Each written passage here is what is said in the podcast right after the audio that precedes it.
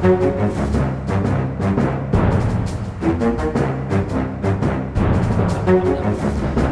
nei, men eh, Da er vi i gang med denne ukens eh, Aftenpodden. Vi er på plass i studio, alle sammen. God morgen, god morgen, Trine Eilertsen. God dag, god dag. God dag, god dag. God dag, god dag, Kjetil Astheim. Hallo.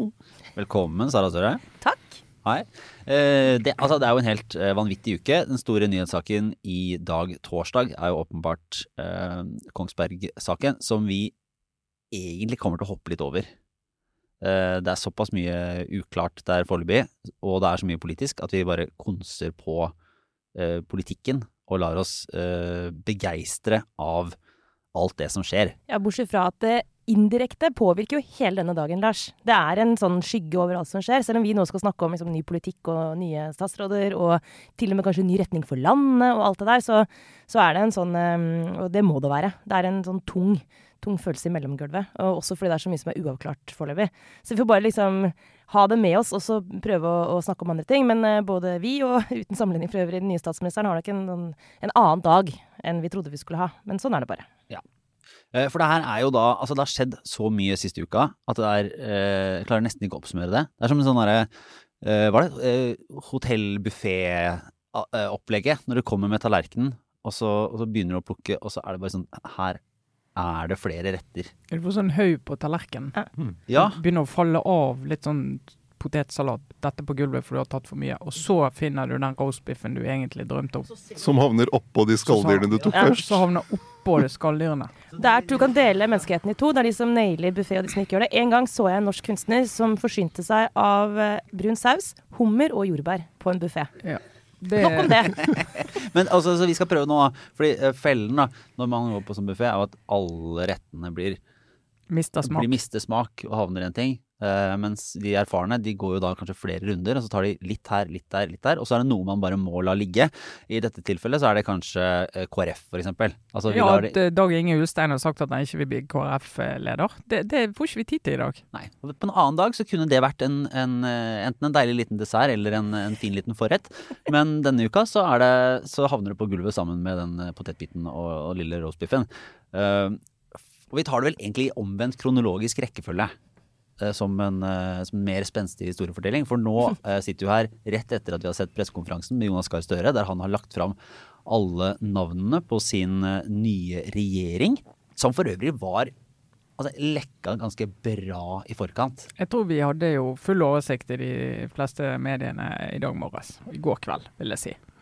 Det har jo vært en del frem og tilbake i ulike medier de siste dagene på navn, men eh, det som kom nå i vandrehallen fra Støre, det var jo ute.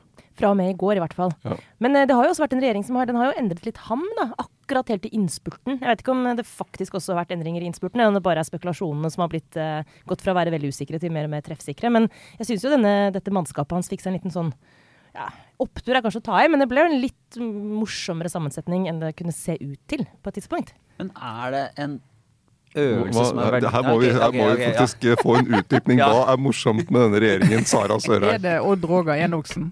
Først og fremst at Odd Roger Enoksen er tilbake i norsk politikk. Vi har ventet og ventet i to tiår. Nei, det er vel egentlig næringsministeren som er eh, den liksom offensive og passe morsomme utnevnelsen. Altså Jan Christian Vestre, som jo er gammel, eller ikke gammel, han er jo svært ung, men har fortid i Arbeiderpartiet. eh, men er jo gründer og driver denne utrolig kule møbelindustrifabrikken, som har, som Jonas Gahr Støre selv poengterte på pressekonferansen, har laget krakkene som står på Times Square. Det er liksom Norges nye Snøhetta. Det er liksom kjent i utlandet. Eh, næringslivssuksess. Som går inn i regjeringen. Og eh, det syns jeg var overraskende. Og et, et litt sånn gøy valg. Eh, så er jo det ofte litt dumt, politikken, å drive med gøye valg, da. Men det virker som en fyr som vet vært- hva han gjør. Og så har han jo vært statssekretær i samme departement før. I hvert fall politisk rådgiver. Ja, var rådgiver. Men jeg syns det ga regjeringen litt sånn schwung av noe litt sånn verdensvant. Og Det syns jeg var personlig litt sånn Det var fint. Og så er han jo da en av to som var på Utøya 22. juli. Og Tonje. Brenna er den andre. Så du, du får jo inn en eh, som Støre også var opptatt av. Uh, få inn den Utøya-generasjonen eh, med to statsråder. Og eh, der har vi ikke oversikt ennå, men også blant statssekretærer og politiske rådgivere. Og det tenker jeg altså For Arbeiderpartiet, som, der, man har, der vi har diskutert noen ganger, det at de Hvor er talentene? Hvor er de nye eh, folka. Det er jo veldig viktig for, for det partiet at de nå får frem og dyrker eh, opp eh, nye, nye profiler for, for tiden fremover. Ja, og særlig fordi skal gå videre til de andre hvert øyeblikk, men særlig også fordi at det er jo en, en ting som ligger bak her. Det er at Jonas Gahr Støre i løpet av sin tid som partileder har mista mange Eh, og det er en liten, ikke liten engang, en stor bit av særlig um, Oslo Arbeiderparti som uh, man kunne sett for seg i en parallell virkelighet ville vært mye tyngre inn i den regjeringen. Selv om selvfølgelig det er vanskelig å ha for mange fra Oslo inn i en regjering, så der er det litt sånn geografisk matte. Men uh, det er jo en del uh, tidligere profiler, sånn som f.eks. Marianne Martinsen, Jette Christensen osv., som har forsvunnet på, på veien. Og veldig mye av grunnen til det ligger jo på Støres Eh, lederskap eh, og de valgene han har tatt. Eh, så har han funnet andre som er også nye generasjoner Arbeiderpartipolitikere. Så han har for så vidt ikke Han har ikke gitt opp det, men der er det, det vil jeg si, der er det et lite sånn hull mm. i det mannskapet som han sender ut nå. Mm. Men altså hvor mye Altså en ting, for at nå er jo alle mediene, da. Det blir en sånn jakt de dagene før det legges fram. Uh, og så blir det jo Altså, det lekker jo ut mer, altså, mer eller mindre bevisst. Er det liksom en strategi for at folk bare skal holde, altså, holde oppmerksomheten oppe, og at de skal få ro til å jobbe, eller er det sånn at de egentlig ikke vil at det skal komme ut? Jeg tror de som sitter tettest på, har egentlig ikke lyst til at det skal komme ut. Eh, de som virkelig sitter og tar de beslutningene, type Støre og Vedum og et par til. Uh, rett og slett fordi at det kan jo endre seg. Det har vi jo sett før, at det har endret seg siste kvelden, for det er en eller annen brikke i kabalen Eh, som eh, går ut, eller som de ser at jøss, det var ikke det går ikke likevel. Et eller annet som skjer som gjør at det plutselig flytter hele seg. sånn at Du må flytte kanskje på to-tre andre for å få det til. Eh, så de ønsker nok å holde det tett så lenge som mulig. Men så er det jo det er jo sant? Du er ute og spør. De er ute og spør andre. Hva tenker du om den? Så det er jo masse folk som vet hvem som er blitt nevnt og er blitt spekulert i. Sant? Du får en sånn referansesjekk. For går jo på mer eller mindre indirekte og direkte. sånn at det er, jo, det er jo etter hvert en del som vet om det. da. Men det er jo, pleier ofte å være i hvert fall én overraskelse eller to. Det var ingen igjen uh, denne gangen. Altså, Jon Ivar Nygaard var kanskje ikke en overraskelse i dag, torsdag, men han var en overraskelse onsdag. En overraskelse i går, ja. Det var han. ja, men kan greie ut og gi oss liksom uh, biografien og CV-en her? Er det, det noen som melder seg? Det er morsomt det som skjer i partiene. Jeg bare husker en opplevelse som, som skal anonymiseres. Men, men si, det, var en Frp-representant på dagen før den 20, altså 2013-regjeringa, da eh, det skulle bli legges fram, som, eh, som, eh, jeg sa til Jeg tror ikke det hadde vært ute, men sånn, vi hadde liksom opplysninger om at Sylvi Listhaug skulle bli landbruksminister. og vedkommende i den gruppa var sånn Det skjer aldri! Nå er jeg uh, Og virkelig avkreftet aktivt. Ja, eller, eller, ikke sånn at, måte, at det skulle skje, altså, egentlig, men det var sånn Det er en idiotisk idé. Ja. det, så det er jo ikke alle som vet, og det er jo fortsatt mulig å få noen uh, syn. Men hvis vi bare sånn, går helt uh, overordnet igjen, altså, hva betyr det egentlig hvem som sitter i regjering? Altså de postene. Altså, er det Er det veldig stor forskjell? Det er jo en Eh, eh, det, er jo, det, er jo, viktige Eh, poster for styringen av landet. Eh, jo, de skal jo være ledere for departementer. De har konstitusjonelt ansvar for uh, fagområder. Står til ansvar overfor Stortinget der hvis ting går galt eller ikke som de har, har sagt. Eh, så det er jo eh, i, i, vårt styringssystem så er det jo ekstremt viktige poster. Og hvordan du da Det er klart, de skal jo lene seg på en regjeringsplattform som ligger der. Eh, de, de partiene har fått til sammen. Og regjeringskollegiet og apparatet de har for øvrig. Men det er jo det er jo én person som er ansvarlig for f.eks. justissektoren, og det er justisministeren.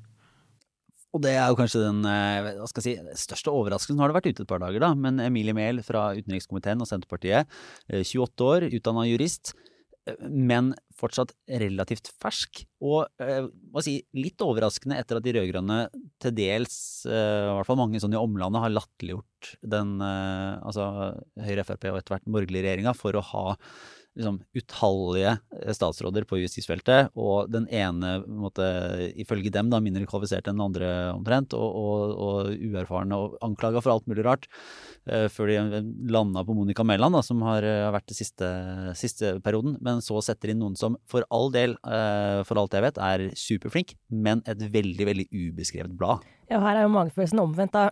Du har sagt om en litt sånn overraskende utnevnelse, så man tenker sånn ah, men det må være kanskje å si lov å si, selv om det er litt sånn problematisk å si når det er en ung kvinne som får eh, et veldig viktig oppdrag, så gjør det litt vondt å uttrykke sånn skepsis til det. For man har ikke lyst til å havne i den derre Ja, men er hun dyktig nok, da? For er, hun er garantert sinnssykt flink når du får det tilbudet. Så, så det må vi bare liksom, Bare så det er sagt. Jeg kan ta den der, liksom, disclaimeren. Men, men eh, det syns jeg virker det rett og slett som en litt underlig eh, posisjon å sette en så uerfaren politiker inn i. Det er, de, det, er en, det er, jo en, kjempestor og viktig sektor der du trenger, eh, som har hatt behov for litt stabil og sterk styring fra, fra toppen. Og det fikk den jo i liten grad så lenge Fremskrittspartiet drev og hadde svingdør i departementet. Uh, og, og hun, hun, er, hun, er, helt klart et, et, av Senterpartiets store politiske talenter og har fire års erfaring fra, fra Stortinget. Hun har men det er jo en veldig stor lederjobb å overta eh, som statsråd, og ikke minst for et så stort og viktig departement. Så det, eh, og det å ta over da i tillegg på en dag som denne med, med det bakteppet med, med, hendelsene, eh, drapene på Kongsberg Så nei, altså det, da, da, ville jeg skjønt om noen syntes det var litt fristende å si du, Monica Mæland, kan ikke du sitte en uke eller to til? til ja. ja. men det, også er det jo um, altså Du skal tenke på hva som gjør at en statsråd lykkes. da. Altså Én ting er jo at det er jo en fordel å kjenne feltet, altså, men du må ikke kjenne feltet. For da får du veldig veldig god hjelp til å komme opp i fart på veldig raskt eh, fra departementet og embetsverket. Eh, men det å ha ledererfaring Eh, i en eller annen form, og faktisk kunne gå inn og si eh, jeg må prioritere mellom saker, jeg er nødt til å prioritere hva jeg går inn i. og Du ser de svakeste statsrådene. Det som ofte er deres problem, det er at de blir en sånn kork som ligger og flyter i vannet. For Hvis du ikke har en sterk vilje og en sterk prioritering og en, en, virkelig evne, og gjerne erfaring med å bruke embetsverket, så blir du offer for hendelser og for omgivelsene og for alt som står i mediene og for alle, på Stortinget som står og skriker til deg. og Du blir hele tiden bare sittende og reagere. da. Så det er jo faktisk klare å bruke den posisjonen til å flytte politikk, eh, ta beslutninger, få gjort det du vil, det krever at du klarer å rydde ganske bra og lede veldig godt. Så Der er det jo en, en, ekstra Dere kan jo være enige eller uenige, men det virker som det er en ekstra utfordring på justisfeltet, fordi man ofte har altså en sterk politidirektør, sterk PST, altså har noen sånne tunge interessegrupper. Du har eh, Politiforeningen, som er liksom eh, nedenfra. Ganske mange sånne krysspress, da, i tillegg til at det er et politisk betent område så er det jo ganske sterke interessegrupper som kan komme inn og dytte litt på den agendaen eller komme inn med sine saker og sine liksom, verdifulle perspektiver, men som eh, må vektes av den politiske ledelsen. Og, og der har jo mange fått eh, brynt seg på det smelt, tidligere. Fått seg en smell, og så er det jo hele beredskapsområdet. Og, ja, og der er det jo typisk, og det ser vi jo dessverre i dag, at det er vel ikke noen andre poster omtrent, bortsett fra selvfølgelig statsministeren, hvor du eh, også kan bli utsatt for brutale, sjokkerende og plutselige hendelser som bare gjør at du må kaste alt til side og, og, og gå løs på med en helt ny dagsorden. Som jo også er en um, Sånn er det bare, og det er, eh, det er liksom noe man må forholde seg til. Men det er klart at det også er, i sånne situasjoner, eh, helt avgjørende at man har erfaring, at man er i stand til også der å gjøre det du sa, Trine, å rydde og forstå. Ja, Og kunne si det rette i rett situasjon. Og der gikk jo eh, den nye statsministeren på en aldri så liten smell eh, i morges, Kjetil. Ja, vi, vi skvatt litt, alle sammen. Jeg sto i vandrehallen og hørte på den pressekonferansen, og da han presenterte Ingvild Kjerkol, som da blir ny helseminister, så så viste han til hendelsene på Kongsberg og brukte det som Han tok en slags et forbehold der, men han brukte det for å uh, som en hen, Og viste samtidig til at den nye regjeringen vil satse på psykisk helse. Og det fremstår jo som ganske spekulativt i å, å forklare hva som har skjedd der, eller hvorfor det har skjedd. Uh, og det mener jeg en statsminister ikke skal gjøre. Uh, det er det er jo tvert imot det som sosiale medier fylles jo opp av det med en gang, av folk som driver og spekulerer i den ene og andre retning. Der skal jo en statsminister ta et langt skritt bakover og la politiet gjennomføre etterforskningen og finne ut av hva er det som har skjedd der. Det, det, vet vi altfor lite om. Og akkurat det der er litt sånne saker som du egentlig du bruker i manus. Du står ikke og stunter når du kommenterer sånne saker som det. Og det gikk veldig bra i starten, snakket han om det. Og så klarte han liksom ikke å la være å trekke det inn, for han sikkert brenner mye for det. Eh, for eh, psykisk helse, og tenker litt sånn connection her. Og, det trenger jo ikke være feil. Han kan ha fått en brief om det, hva vet vi.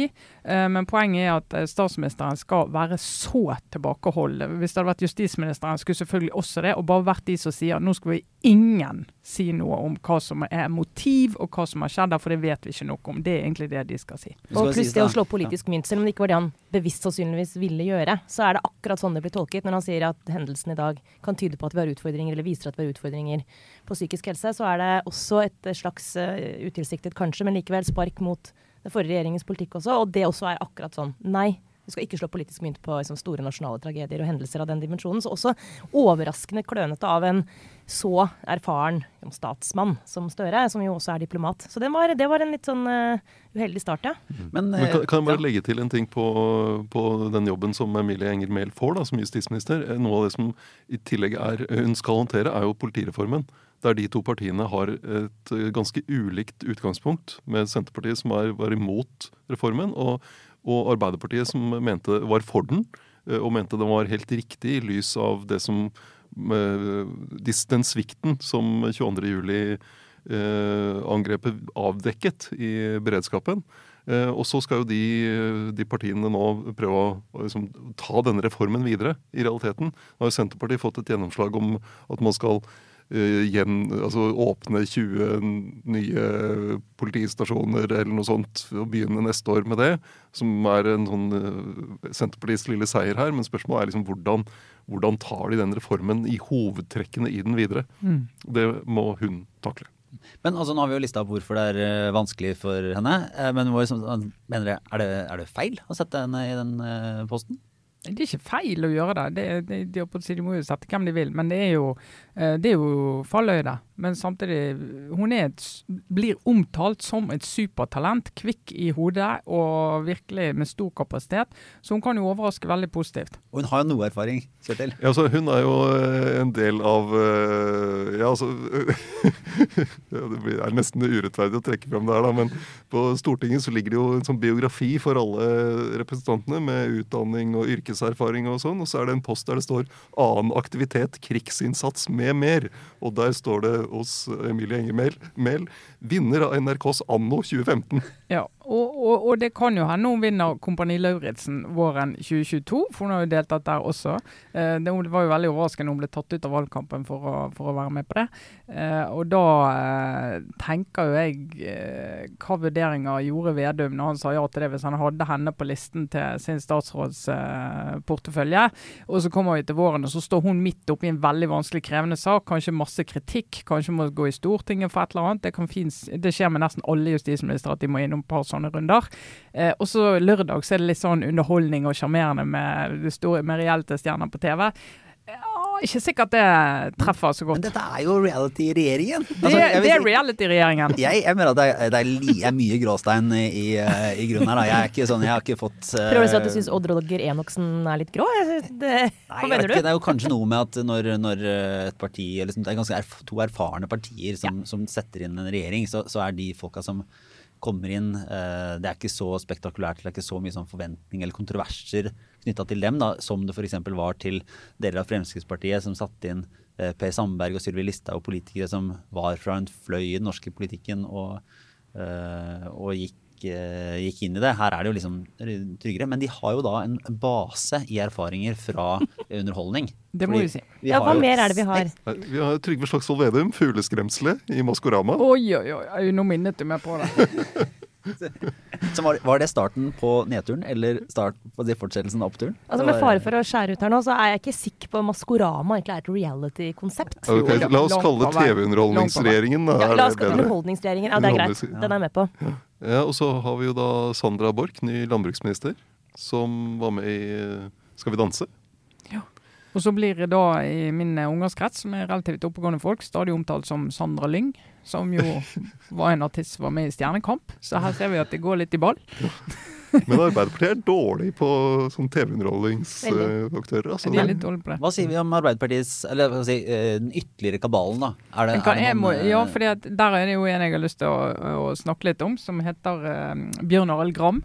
Uh, styreleder i KS frem til Akkurat nå? I går. Ja. ja altså kommunenes Akkurat nå. Kommunenes sentralforbund. Ja. Det vil si at han er liksom styreleder for uh, denne sammenslutningen av alle norske kommuner, eh, når de er en part i en sak f.eks., så er det KS.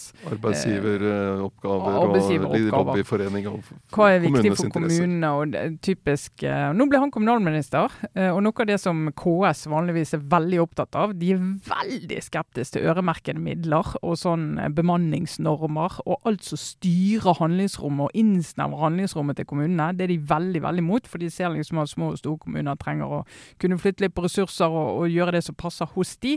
Så i KS vil du alltid høre at eh, nei, nei, nei, bemanningsnorm det er vi imot. Eh, og han har snakket mye om denne tillitsreformen som regjeringen har gått valg, til valg på, så det står om i plattformen. Eh, og har jo sagt tidligere at ja, tillitsreformen må se litt på hva dette er for noe. fordi at vi må ikke få så mye sånn eh, pålegg fra eh, regjeringen og fra departementene som gjør at du begrenser kommunenes handlingsrom. Så det blir veldig gøy å se hvordan han skal drive med politikk i praksis. Han kan jo dette ut og inn. Han er en ganske sånn eh, rutinert, robust politiker, så jeg tror han kommer til å stå i en del ting. Men jeg tror mange i, i Senterpartiet vil oppleve at de ikke kanskje har fått helt det de bestilte. Ja, fordi det er ofte en litt sånn interessant mellomrolle, det at han er senterpartist i KS. Som jo eh, KS ofte sånn Staten sier til staten vi vil ha mer penger til kommunene. Eh, og så sier de til typisk litt sånn aktivister som nå har ofte knytta seg til Senterpartiet, som vil ha en grendeskole eller som vil ha en, eh, et eller annet lokalt tilbud. At eh, her må kommunene si, rasjonalisere, til dels eh, eventuelt sentralisere, i hvert fall ta sine valg. da.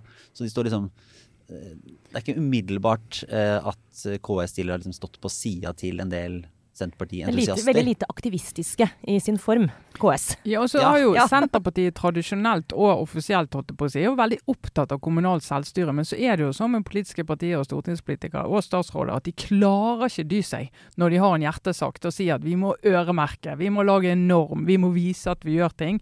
Uten helt å ta inn over seg at for de som da skal utføre på kommunenivå, så skaper det store problemer. For det er ok, da har vi den pengepotten her, den kan vi ikke røre, for den har eh, staten sagt at vi skal bruke til det.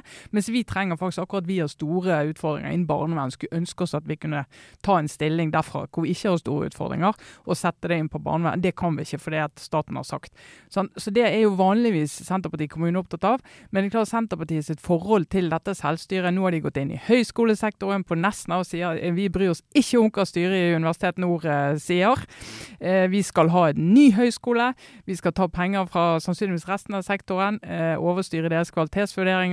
Eh, de skal gå inn og vurdere hva de skal gjøre med fødetilbud langs kysten, på tvers av hva helseforetakene mener er riktig og faglig forsvarlig. Sånn at akkurat denne her balansen mellom sånn eh, tillitsreform eh, og som Gram har sagt, da, alle disse her målingene og all detaljstyringen og alt som kommer, det kommer fra politiske hjertesaker fra Mm. sentrale politikere. Det er ikke noe kommunene finner på sjøl.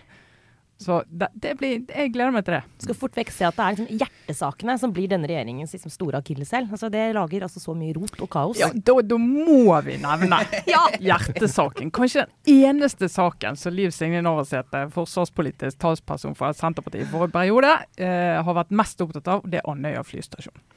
Og det, den eh, skulle jo da Har hun gått, til valg, eller, gått i valgkamp og gått i fire år og sagt, eller flere år helt siden den ble eh, avviklet, sagt at denne skal Andøya få tilbake. Ja, for den er jo da flyttet til Narvik. Flystasjonen Flystasjon for overvåkningsflyene.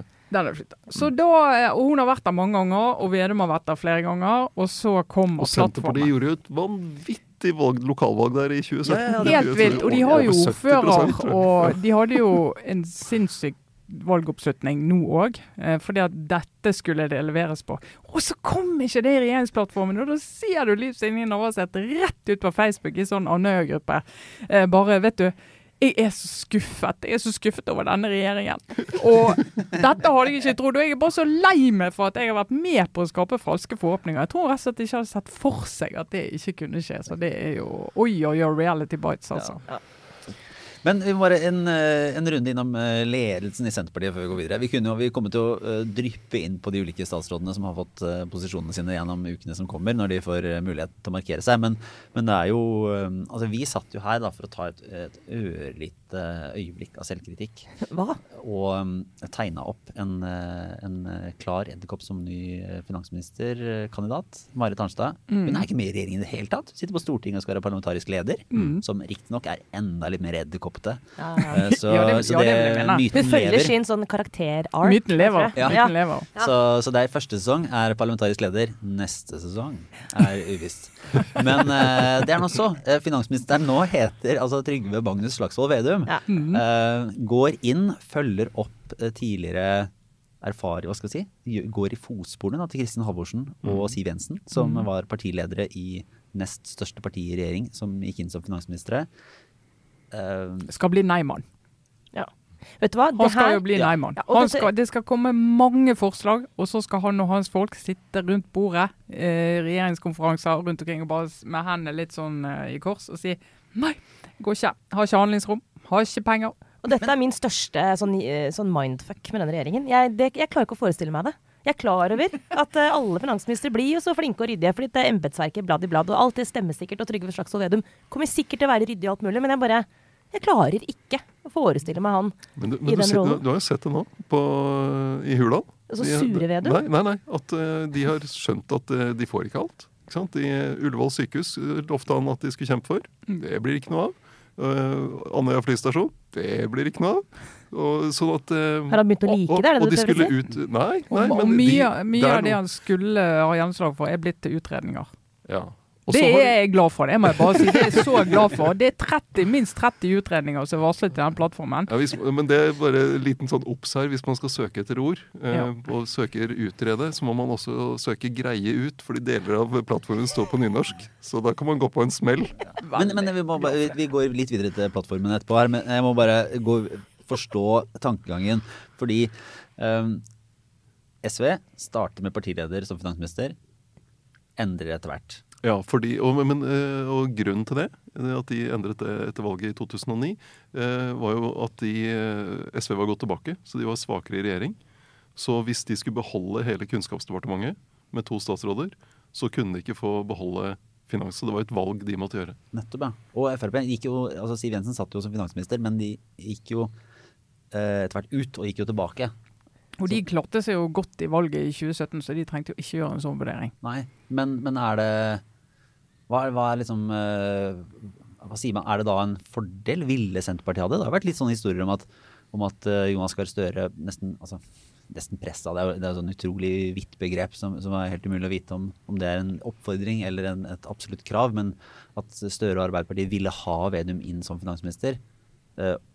Og, Ja. og da skulle man jo tro at Senterpartiet kanskje ikke ville ha eh, Men ikke fordi det er ikke, ikke nødvendigvis i kraft av at det var akkurat Vedum, men mer fordi eh, det skal visstnok ha vært et sterkt ønske fra Støre at en fra partiledelsen skulle inneha den posten.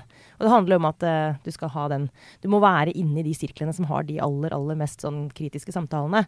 Så at det måtte være da en av de tre i den øverste ledelsen i Senterpartiet. Og da gir det seg for så vidt sjøl.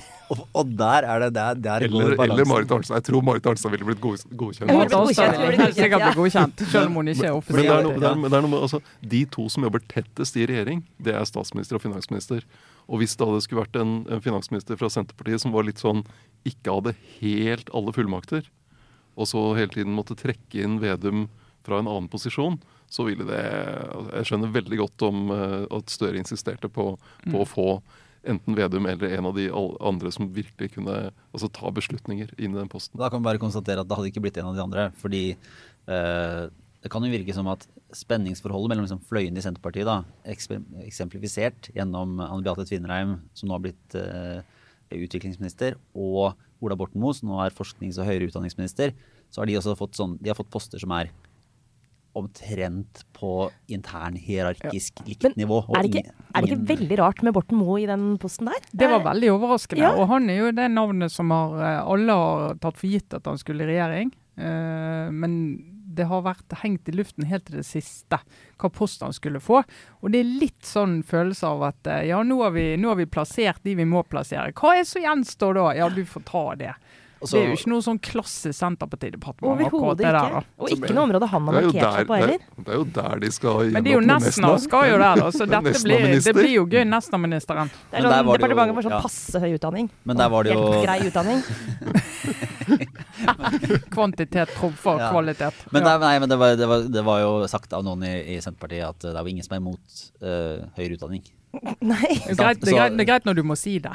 Ja, ja, ja, så, sånn at Ola Borten Moe, som jo er en kontroversiell politiker, uh, fordi han ofte er tydelig i en del uh, standpunkter, uh, er jo, har jo da færre på en måte, mot seg. Det blir, blir få konflikter av at han skal kjempe for høyere utdanning. Og, Han og blir det- Ja, da, han, han blir nøytralisert ja. på den måten, og så tror jeg det er veldig sånn altså Jeg tror mange der ute blant velgerne de gir jo helt blaffen i sånne diskusjoner om vil NOKUT eh, godta den nye lærerutdanningen på Nesna, og hvis de ikke gjør det, hva gjør eh, regjeringen da? Overstyrer de, overstyrer de, styret? sånn. Altså, Så det det er drit av er driter jo mange- folk i. Så driter av folk i. Folk langt inn i, uh, Mens jeg tror sånn valgfaglig, holdt jeg på å si, så vil folk liksom se å, her er en som har lyst til å spre utdanning over hele landet. Noe som er helt livsfarlig. Fordi utdanning over hele landet blir bare elendig drittutdanning. Sånn er det. Hvorfor Du er nødt til fordi du er nødt til å sentralisere en del fagmiljøer og, få høy kvalitet på forskningen på, og undervisningen.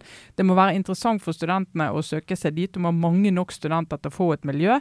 Eh, og Derfor så kan du ikke ha høyskoler på hvert nes. Derfor så har vi lagt ned masse høyskoler. Eller ikke om, om lagt det ned fysisk, i hvert fall lagt det inn i en større struktur som gjør at du får eh, høyere kvalitet. Og Stortinget er helt enig med seg selv om at dette er kravene vi stiller til høyere utdanning. Dette er det det må være for at du skal kunne kalle deg et universitet.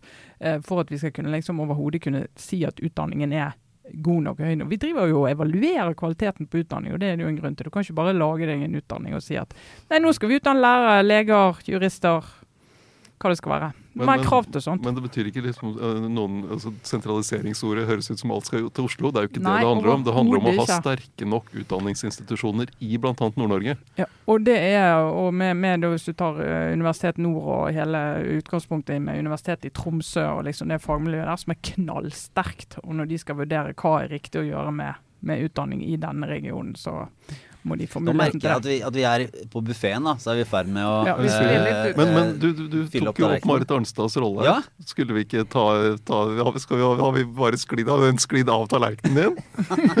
fordi fordi det, det er jo øh, Hun får jo en kjempeviktig rolle som parlamentarisk leder. Eh, Dette er en mindretallsregjering, og de skal ordne opp med SV, og de skal av og til drive slalåm en annen vei.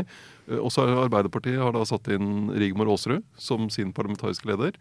Eh, Hun er jo liksom litt mer ukjent for mange, tror jeg. Uh, Hun er veldig morsom, hun. men hun, hun er jo ikke sånn veldig så- sånn, Går ikke gjennom TV-ruta eller i debatter, men hun er jo en sånn politisk håndverker. Ja, hun er Skikkelig ringrev. Ja. Og har statsrådserfaring, lang erfaring i partiet.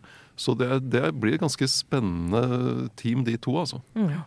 Det er fristende å tenke seg videre inn i sånne edderkoppspekulasjoner her, Lars. Kanskje la det ligge da, men det går an å se for seg en sånn At vi på et eller annet tidspunkt vil si at det er Rigmor Aasrud og Marit Arnstad som er regjeringen. Sitter og kokkelimunker eh, for å sikre seg ting i Stortinget. Ja. Nei, men fordi Vi må jo ikke glemme Arbeiderpartiet. Bare sånn Vi, vi skal ha gjennom litt regjeringer. så- ja. Eh, og, så, skal vi ta en eh, sveip innom plattformen her etter hvert. Men, men altså, hva er det mest spennende da, for å, å legge den på bordet av disposisjonene til Jonas Gahr Støre i sitt mannskap?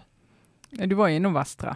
Ja. Men det, er liksom jo, det er det jo krydder, er det ikke det? Altså, det er en sånn næringsminister eh, så det, Ja, men- den ligger der som et sånn uh, Gøy, gøy, gøy. Gøyalt. Men det er, det er der du har litt spillerom. I de tyngre departementene. Så, Det så har jo vært litt sånn da. spekulert i utenriksministerjobben. sant? Ville det bli Barth Eide, ville det bli Anniken Huitfeldt? Og der har jo Støre kjørt veldig safe og egentlig forutsigbart, vil jeg si. Eh, Anniken Huitfeldt rett fra komiteen inn i statsrådspost. Eide, Barth Eide akkurat det samme.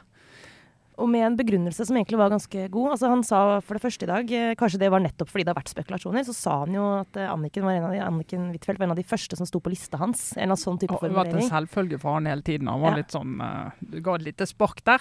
Og så syns jeg det var spennende at han på um, Hadia Tajik sin, sitt departement, så legger han inkludering inn i Arbeidsdepartementet. Det tror, jeg tror det er veldig riktig. Jeg tror det, det kan bli spennende.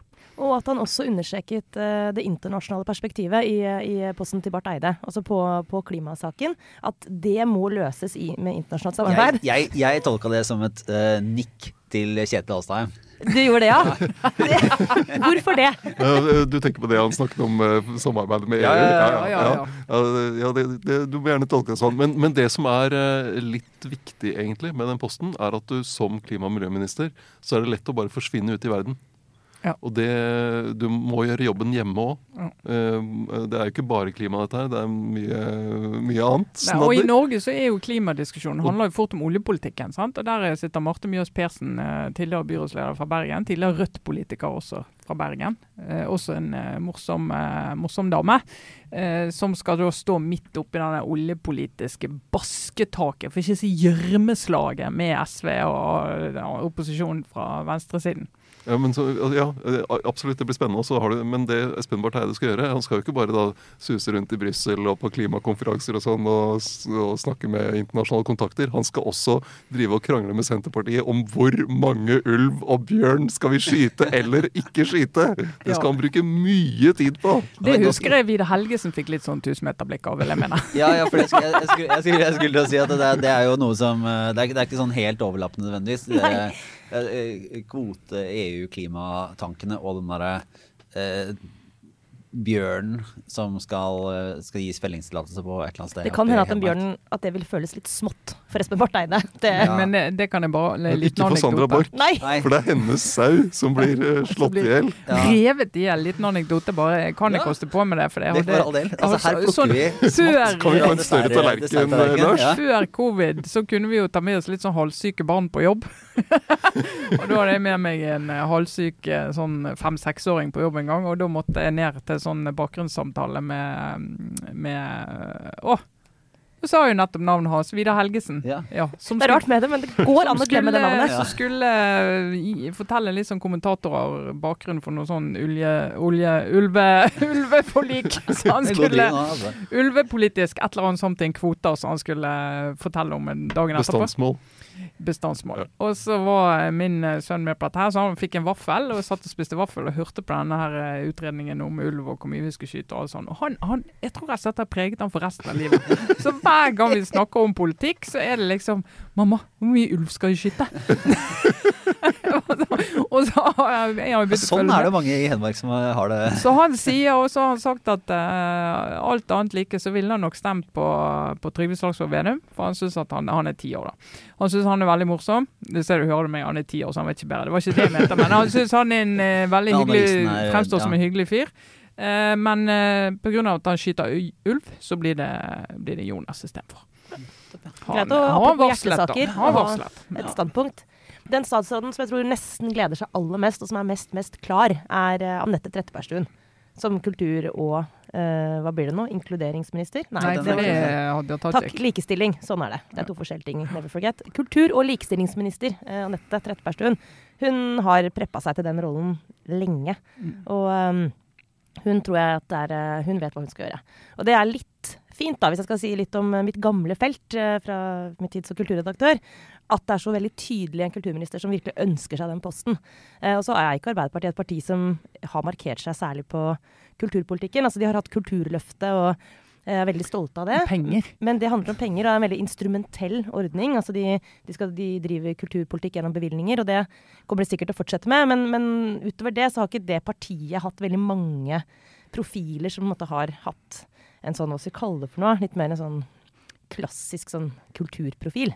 Eh, det har for så vidt ikke Anette Trettebergstuen heller, men hun har sånn tydelig, et tydelig engasjement for det feltet, og helt sikkert vært veldig veldig tydelig på at hun vil ha den posten.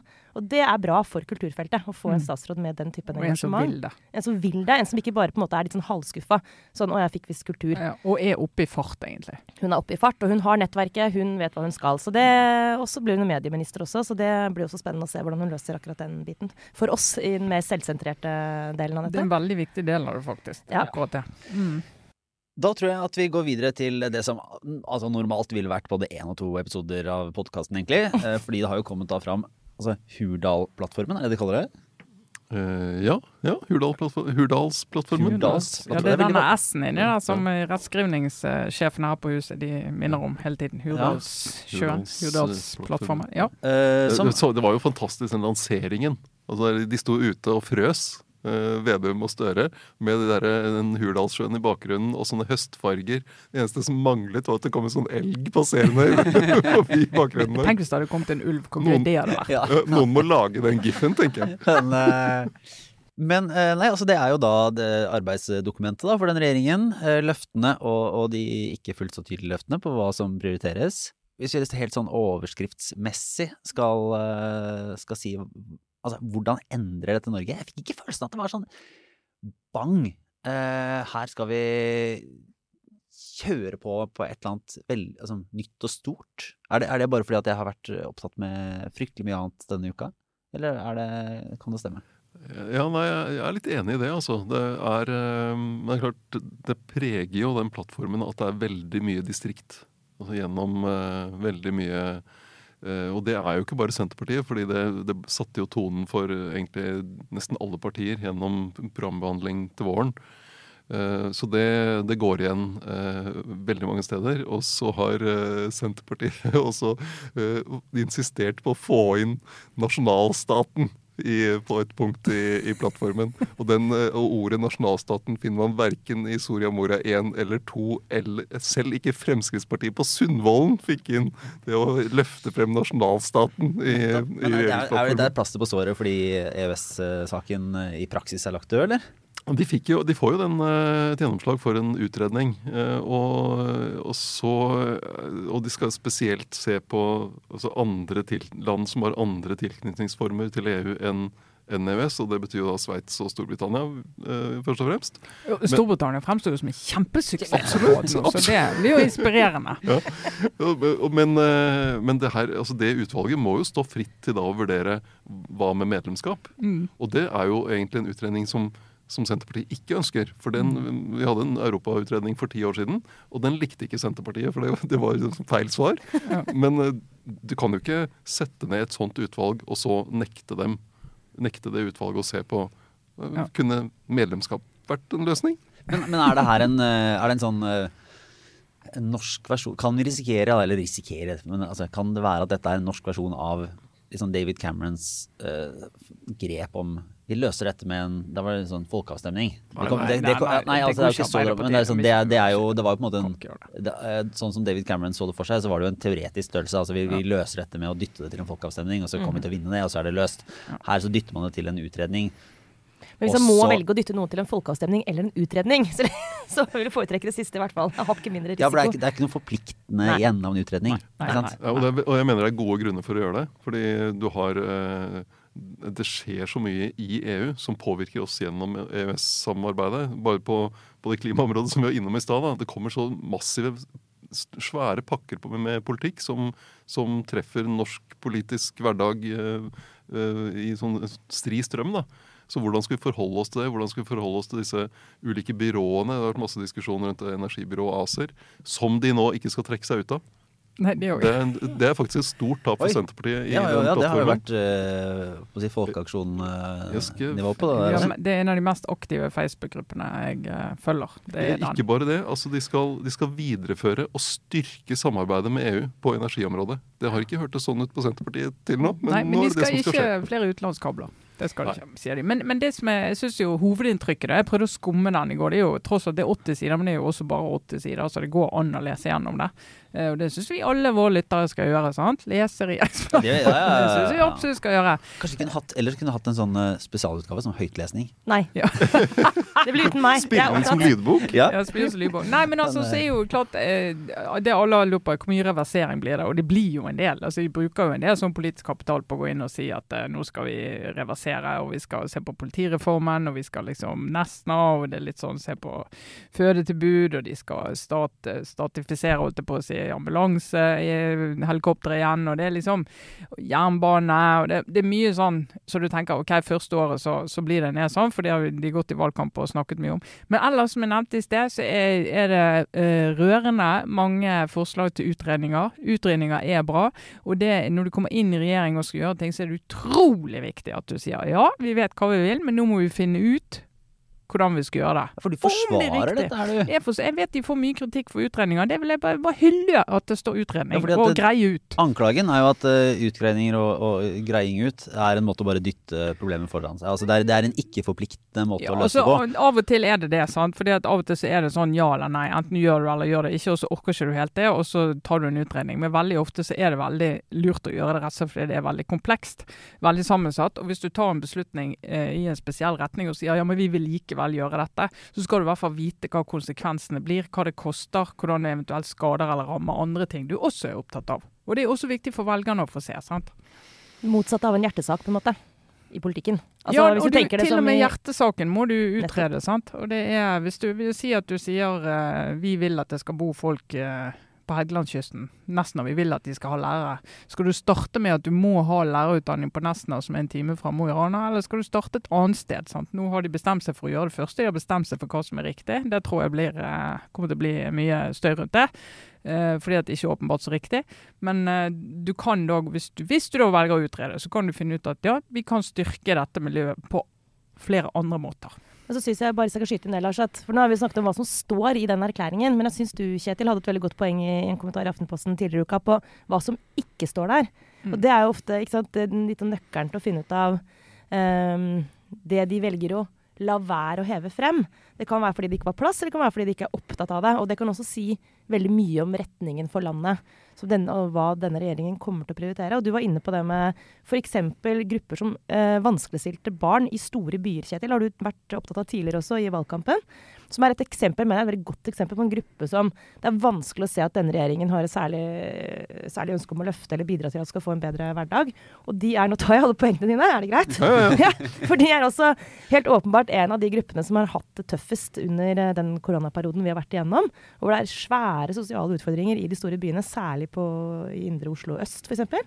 Eh, hvor, eh, hvor det ikke virker som denne regjeringen har i hvert fall ikke foreløpig noen konkrete planer om å gå inn i det. Eh, annet enn litt sånn overfladiske faglige løfter. Og det syns jeg Kjetil, er en god måte å lese den, den erklæringen på. Har du Ja. noe å tilføye? Ja, ja. vi kan legge ut lenke i Men eh, det har vi gjort, forresten. eh, På Facebook-siden. Men jeg syns jo det er påfallende. En regjering som sier de skal bekjempe ulikhet, og så sier de så lite konkret om de områdene der ulikheten svir mest. Og det er i i eh, de områdene, byområdene der du har opphopning av eh, levekårsproblemer, fattigdom, lav utdanning, høy trygdeandel, få i arbeid, mange med dårlige eh, norskkunnskaper. Og det gjelder jo ikke, det gjelder ikke bare Oslo. Det gjelder Oslo, det gjelder Fredrikstad, Drammen, Bergen, Stavanger, Trondheim. Og det, de sier generelle ting om det, og har, de har generelle grep som vil sannsynligvis være viktig for de områdene. Men, men, men dette hadde jo, hadde jo fortjent en mye mer direkte eh, direkte formuleringer. Klarere løfter om at her skal vi sette inn, eh, sette inn masse, store tiltak. Og det som er påfallende, er at du hadde, du, det kom tre eh, utredninger før jul. En om næringsliv i distriktene, en om demografi i distriktene og en om levekår i byene. Og det de sier, de to regjeringspartiene, er at de, skal, de to første der lover de at de skal følge opp med stortingsmelding. Og den tredje, den om byene, sier det ingenting om. Men er det sånn, for det her er jo en, en mindretallsregjering som kommer til å måtte finne støtte i Stortinget eh, for å få gjennomslag. Og i hovedsak så har de jo sagt at de skal gå til SV for å få dette her. Eh, og SV var jo ute ganske tydelig i, med partileder Audun Lysbakken som sa at eh, dette var altså, ikke, relativt forutsigbart, på en måte, men, men likevel ikke sant, for grått. Det var ikke grønt nok, og det var ikke rødt nok. altså Det var ikke nok fordeling. da. Er det en, en oppfatning av at denne plattformen liksom ser for seg at ting skal vris litt uansett. Altså da man liksom man kommer med et utgangspunkt nesten som forhandlingsutgangspunkt, og så ser man at det vil trekkes i en retning av SV. At hvis det hadde gått lenger i SVs retning, så ville SV uansett vært utålmodig. og så hadde de måttet gå, altså Er det noe sånn takti, taktikkeri i en regjeringsplattform, eller er det bare sånn Det er dette vi Eller er det bare en bibel, uansett? liksom? Ja, ja. Du har, det er et konkret punkt der jeg lurer på akkurat det. Fordi, og det handler om oljeleting. For det de sier i plattformen, er at vi skal bare fortsette akkurat som før.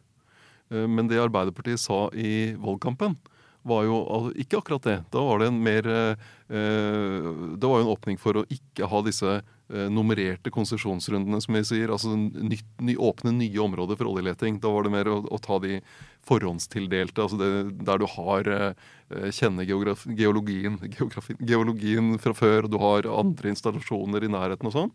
Eh, og, og, fortsette med det, men ikke, kanskje ikke ha disse, de nye åpningsrundene. Men det, den formuleringen er ikke der. Og det kan være en sånn at SV kan få en seier på at nå blir det ikke en sånn nummerert runde som har pleid å komme annethvert år. Men jeg vet ikke. Det er um, Nei, Det får vi jo vite når de skal sy sammen budsjett. da. For SV har jo flagget det at de kommer ut og legger ting på bordet som ikke er ren sånn budsjettøkonomisk teknisk eh, mm. løsninger. sant? Og det blåser jo fra alle kanter allerede. Altså, oi, oi, oi, ja, ja, ja. Altså, det var ikke mange sekunder etter at den plattformen var ute, før det begynte å ramle inn blant annet, sant, på NTB-desken. Alltid gøy å se. Du ser ganske fort på liksom, innkommende e-poster fra sinte interessegrupper i innboksen til vaktsjefen i NTB. ser på en måte bare voff! Eh, og det var, ikke, det var, ikke, lite. Og det er liksom en, en situasjon som Jonas Gahr Støre nok bare må forberede seg på at blir hans eh, måte, Det blir hans hverdag, det nå. Å være leder for en regjering som får veldig mye kritikk, rett og slett. Fordi det er 360-kritikk. sant? Mm. Det er som en sånn evig sånn lederevaluering, Trine. 360-evaluering. Ovenfra, nedenfra, bortenfra. Det er bare at, ja. det er ingen som egentlig har insentiv for å si at si du gjør en god jobb. Nei, det er bare alle, alle er sånn, Du har en 360-vurdering der alle ja. uh, har fordeler av å være ordentlig negativ. Ja. Uh, den er jo ubehagelig. Men uh, helt til slutt egentlig på, på dette her, så, så kommer jo regjeringen, altså den avtroppende, nå avgåtte regjeringen, kommer jo med sitt siste budsjett. Um, som jo vanligvis igjen ville vært en, eh, en hovedrett i seg sjøl for, for, oss og veldig mye annet. Det ble mindre oppmerksomhet rundt det fordi den jo i stor grad skal altså, Eller den skal jo endres og, og, og flyttes på av den påtroppende nå i gang regjeringen. Eh, så eh, bare kort, var det noe var det noen store snubletråder? Var det noen endringer av Norge som vi, som vi tar med oss, eller noen problemer for, for altså, Støre og Vedum? Ja, altså Snubletråden ligger jo på klima- og avgiftssiden. Eh, CO2-avgift, forslaget til økning i CO2-avgift, som er ganske eh, solid.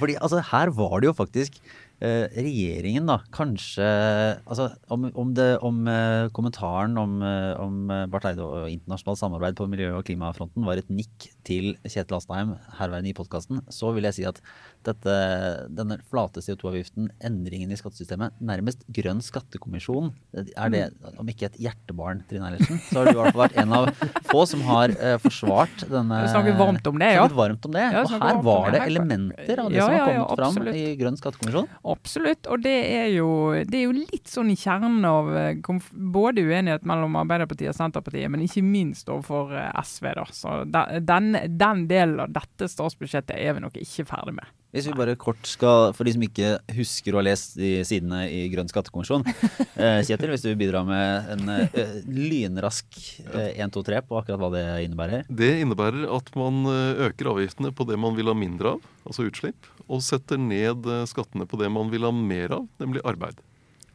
Nettopp. Det hørtes umiddelbart eh, relativt smart ut. Ja, så totalen, totalinntekten skal være liksom noenlunde samme. Du skal ikke øke totalt skattenivå, men du skal flytte rundt på det, sånn at du bruker skatten effektivt. Men her kommer jo da særlig Senterpartiet inn og sier at denne, liksom, dette flate, store, enkle, sentraliserte systemet eh, er en eh, markant ulempe for grupper som uh, enten bor i distriktene og har mindre tilgang på liksom, felles uh, ressurser eller Eh, påkobla heller, eller eh, andre svake grupper da, som rammes av avgiftsøkninger eller ja, folk, folk, som bor i, folk som bor i egen enebolig i distriktet med hage og to etasjer, og eh, har to fine biler som går på diesel og, diesel og bensin, og fast jobb, eh, og bor i et område der det er mangel på arbeidskraft, så faktisk kommer, de, de, kan faktisk få seg ny jobb.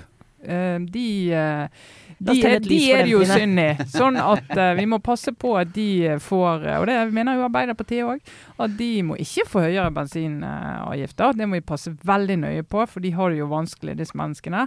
Så Derfor så må de kompenseres og få billigere bensin. Hvis du f.eks. bor i Oslo øst, har en gammel bruktbil som går på bensin, du har ikke råd til å kjøpe elbil, og du bor i en leilighet med tre rom og fire unger og prøver å få endene til å møtes, jobber kanskje et litt ustabilt arbeidsmarked, du trenger ikke det. Mm. Hashtag ironi, kan vi legge til. En, bare en, eh, en helt uh, nøytral uh, uh, Eh, Poengtering av dette. Nei, men jeg tror vi runder av for, for den biten og går inn i en eh, liten bit med obligatorisk refleksjon. Vet ikke om du har lyst til å begynne, Kjetil? Jeg, jo, jeg har lyst til å begynne. Eh, Det, eh, oppi, oppi alt dette så greide jo eh, Espen Rostrup Nakstad å lansere bok. Herregud, Ja. ja! Ja.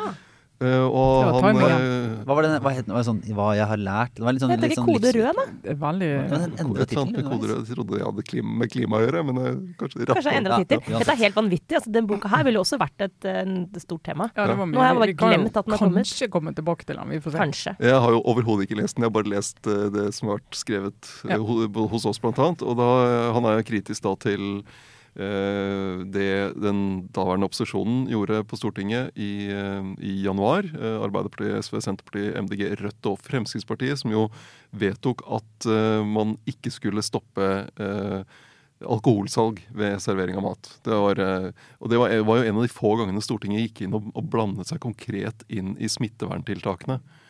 Eh, og han eh, mener at eh, eh, de burde bare eh, som, eh, sjekket på, på nettsiden hvis, hvis noen av disse hadde gått inn eh, på nettet og satt seg grundig inn i saksgrunnlaget vi hadde oversendt til regjeringen, ville de antagelig sett hvor skjør situasjonen fortsatt var.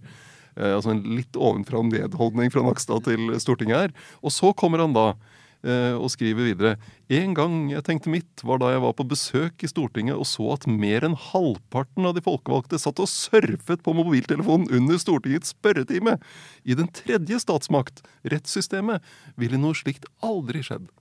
Og da tror jeg vel egentlig at Nakstad også godt kunne satt seg litt grundigere inn i saksgrunnlaget Ja, før han skrev om det. Fordi det er en fullstendig misvisende sammenligning.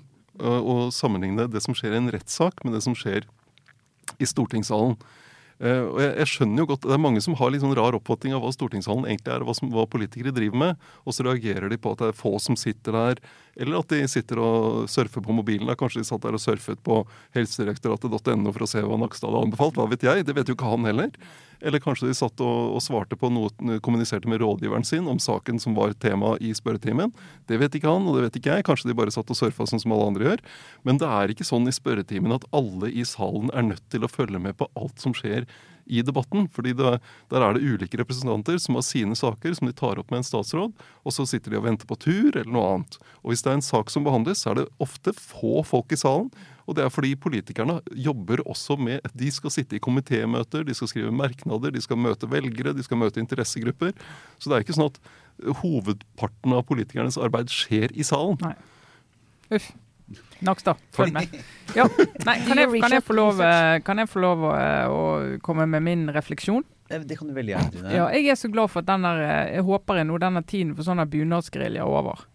Jeg har altså sett hvordan et plagg jeg bruker da, dette skal vi jo komme litt inn på, Ja. eh, ved, ved noen store anledninger, er altså bunad, blir kuppet av mennesker som ønsker å skape et skille mellom eh, by og land, mellom altså liksom hvis du ønsker deg eh, ja, en sånn høyskolestruktur som jeg ikke tror på. Hvis du ønsker deg en eh, helsepolitikk som jeg ikke helt eh, tror nødvendigvis alltid er den rette, Eller et fødetilbud, ikke minst. så skal du liksom ta på deg denne bunaden. Jeg skjønner jo at det funker godt som sånn blikkfang på pressebilder, det skjønner jo jeg òg. Men jeg syns i, i et land hvor vi søker å ikke polarisere, og ikke skape liksom unødvendig skarpe fronter, så syns jeg den kuppingen av bunadsplagget det liker jeg dårlig. Så nå håper jeg når Senterpartiet da kom til regjering, som ikke åpenbart som har, har elsket sikkert bunadsgeriljaen, så kan vi legge bak oss det der. Så kan vi si at bunaden er for alle, uansett hva vi mener. Akkurat som statsministeren og kongen er for alle i Norge, alle som bor her. Bunaden er for alle, ikke bare for eh, protestgrupper og motkultur eh, i veldig snever definisjon av eh, motkultur. Ja, det er jo trist hvis bunaden blir sånn hvis du har på deg det, så er det sånn distriktsopprører. og det, det er bare, Vi må nesten svinge innom uh, Einar Førde her, Arbeiderpartipolitikeren nå avdød, også kringkastingssjef, som sa om herrebunad at det var for homser og nynazister. Og, og det er klart, så, så, så kan vi ikke ha det. Men da er jo gladnyheten eh, eh, Trine, er at eh, hun som har ledet denne bunadsgeriljaen for fødetilbud i Kristiansund, hun skal nå ta av seg bunaden, sier hun i Klassekampen. For godt. Nei, eh, da håper jeg at jeg ser henne i bunad på 17. mai og barnedåp og store anledninger, sånn som det skal være. Men å bruke det som sånn en protestfane, I don't like it, bare for å si det på utenlandsk. Men her er, her er fint. Her er eh, fin, uh, Trenger fin bunadsopprørspoliti, er det Ja. det vi sier? Ja, ja, ja. Men her er det fint, her er det fint fordi uh, Sara, vi to kom jo inn med egentlig samme obligatoriske refleksjon. Ja. Uh, en, uh, en, en forundring og frustrasjon, kan vi si det sånn, Ja. over at bunaden, ok, bunadgeriljaen begynner å legge ned bunaden, men de som er i ferd med å plukke den opp, det er stortingsrepresentantene. Ja, for Spørsmålet er om dette var slutten på bunadsgeriljaen, eller om det bare var begynnelsen på en ny æra for bunaden. Hvor det plutselig har tatt over. Det er en hostile takeover av bunad. Uh, muligens over hele landet. Hva vet vi, Lars? Dette var i hvert fall en sånn for meg eh, hva skal Jeg si, det var en under, Jeg følte meg så fremmed i min egen by her om dagen. Ja, for eh, åpningen, altså den høytidelige, jeg må alltid si det, den høytidelige åpningen av eh, Stortinget, det var jo også, var det på, det var mandag? Det var mandag, ja. Ja. Også Også, også en del av denne buffeen. Ja. Eh, der, altså plutselig så dukker opp altså, det var så mye bunader. Og Jeg nekter å tro at det var, har vært sånn hele veien. Så jeg ser på det som en sånn eh, nynasjonalromantisk bevegelse. det, det, der det blir det er et eller annet sånn der, eh, vi, vi skulle analysert det litt. Men jeg mener jo at det først og fremst er et utslag av velstandsvekst.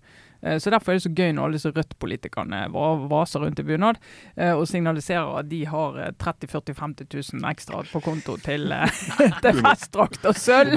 Fordi jeg skulle si, det, det var jo det som hvert fall det man kan, ofte kan trøste seg med da, når, når, i den norske nasjonalismen, er at vi alle er del av den. Det, var jo ikke, det er jo ikke en partipolitisk sånn variant av dette. Her var det jo, her var det jo Rødt. jeg si, eh, Ja, hele fjella. Store deler av Rødt. Ikke Frp, faktisk. Men Carl I. Jo, jo, Carl I. Hagen. Han, Han, hadde fått seg første opplandsbunad. for første gang stilte han med bunad under en tidlig åpning på Nettopp. Stortinget. Fordi nå er han innvalgt fra Oppland. Og, sto, og, og, og eh, store deler av SVs gruppe. Altså, eh, Og Det var her, men det var her jeg fant min sånn politiske Hva skal jeg kalle det for noe sånn eh, ikke, Om ikke tvillingsjel, sjelevenn. eh, I hvert fall en sånn eh, en følelse av normalitet, eller noe jeg kunne forholde meg til. Det var Kari Elisabeth Kaski fra SV. Bunadfri.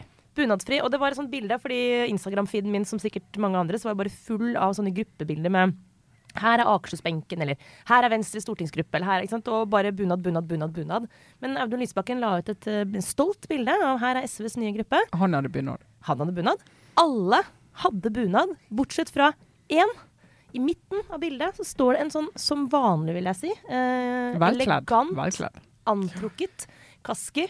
eh, I en sånn grå, helt egentlig spot on riktig type antrekk. En, en fin, sikkert passedyr, grå eh, kjole som gjorde at hun så høytidelig og pynta ut, men ikke ut som hun hadde på en måte kledd seg ut. Eh, sorry, sorry to say.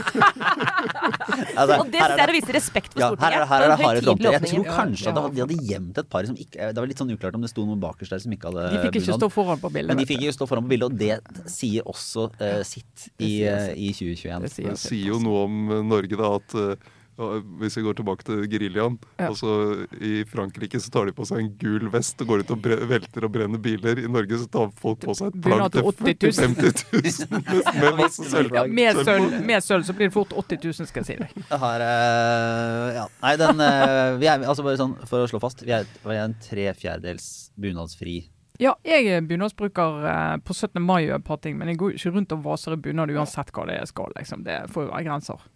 Aldri brukt eh, Jo, jeg har brukt, brukt bunad én gang i livet mitt. Det var på min egen konfirmasjon. Da fikk jeg låne bestemor sin bunad. Jeg gråt hele dagen. Jeg følte meg utrolig ufiks. Og det viser også bildene at jeg var. Men det var strengt tatt ikke bunadens feil, tror jeg. Eh, Vis meg en fiks konfirmant. Men det er en annen historie. Vi kan bare egentlig runde av med et apropos tre fjerdedeler av denne podkasten.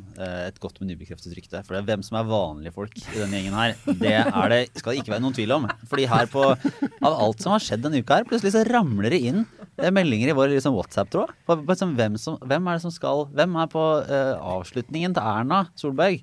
Ja. Og så var, viste det at alle dere Plutselig så får jeg sånn hyggelig gruppebilde fra dere. eh, Inni representasjonsboligen. Inni representasjonsboligen representasjonsbilen. Med et lite glass. Ja. Og da, altså én ting. eh, hvorfor i all verden var det der, eh, og ikke jeg? Eh, er det redaktørprivilegiet, eller er det Det var, det, var, det, var, det var flere politiske reportere som var der òg. Men det er klart at vi, vi, vi drev jo med siling, så jeg ville valgt å ta det personlig. Ja, nettopp, Så ja, jeg ser ingen annen måte å gjøre det på. Ja. Ja, For dette var da statsministerens farvel til pressen. Eh, faktisk på den dagen hun gikk av, eller den dagen hun varslet sin avgang i, i Stortinget etter eh, finanstalen, så inviterte hun oss av alle til å komme hjem med det sjukt fine huset sitt, det må være lov å si. Eh, med gullforgylte altså, vegger og tak, og i det hele tatt inne i representasjonsboligen Altså, til jeg regjeringen. lar meg ikke kjøpe av de greiene der. Jeg lot meg kjøpe. Jeg synes det var kjempefint. Jeg har ikke vært inne i den delen av bygningen før, så jeg syns det var superstas. Og så kan vi vel fortelle at hun, mener jeg, holdt sin morsomste, i hvert fall, tale, eh, Erna Solberg, da hun uh, snakka til pressen. Da slapp hun seg jammen løs. eh, og hun har jo den der litt sånn refsende tonen eh, overfor pressefolk. overfor alle generelt, og pressefolk spesielt, og veldig ofte med rette. Men denne gangen så fant hun en veldig så fin balanse på liksom, å være en sånn kjærlig refser. Eh, og faktisk morsom. Ja, og så sa hun høydepunktet var vel kanskje når hun sa at de skulle male og pusse litt. Hun skulle flytte eh, litt før tiden. Eh, for hun har visst egentlig rett til å bo der i tre uker til. Men hun flyttet eh, nå allikevel. Eh, for det hadde kanskje sett litt rart ut hvis hun nektet å flytte, for de skulle male og fikse litt og sånn. Og som hun sa i talen, for nå er det jo vanlige folk som skal bo her. Men jeg hørte, jeg hørte det her er, det her er foreløpig på, på godt, men ubekreftet rykte, den mest ryktete delen av den spalten der, at det er regler som tilsier at statsministeren kan jo ikke ta med seg ting Nei. eh, i, liksom, fra statsministerboligen, som jo høres veldig riktig ut. Ellers det er litt sånn når vi får mobiltelefon på jobben, så får Ja, hun en bolig legge som hun må la, det- la være. gjaldt også eh, vinen. Ja, jeg Ja, tror det. ja, jeg, tror Jeg vet ikke hva som, Dette var vel sånn. kanskje et mer Ja. offisielt opplegg, men jeg bare har hørt at det er også en eh, Så det gjelder å da å spise ut av kjøleskapet. da. Eh, Ja. Av Og da kan vi si at uh, samlet norsk presse, ikke helt samlet da, Lars, men uh, resten av norsk politisk presse gjorde sitt den kvelden for å hjelpe Erna med å tømme den, eh, det vinlageret. Så det, det, er, det skal ingen ha på oss at ikke vi bidro der til den dugnaden. Så det, jeg- jeg takk skal for det. Si, fram til den neste potensielle invitasjonen kommer, så sier jeg nei takk til en slags eh, wining and dining. Jeg opprettholder min objektivitet og, og Kritiske distanse. kritiske distanse Man, man er objektiv hvis man går uansett hvilken regjering som går av. Det er det som er Ja, det prinsippet det. her. det, er det. Og, Ja, det, og og det var jo Jens Stoltenberg som startet med dette her, å ha sånn uh, takke av-kveld med pressen. Så det er jo politisk tradisjon. så det sånn, sånn sett tverrpolitisk. Som- Nei, men det, er, eh, det var vel en buffé med både én og to porsjoner, eh, og vel så det. Vi kommer tilbake til statsråder vi har glemt, eh, saker som dukker opp. eh, antageligvis noen rimelig kjappe det, Altså flere enn justisministeren får utfordringer eh, i de første ukene. Yes. Så vi ser fram til eh, nye politiske diskusjoner på det. Dette var Aftenpodden. God helg alle sammen.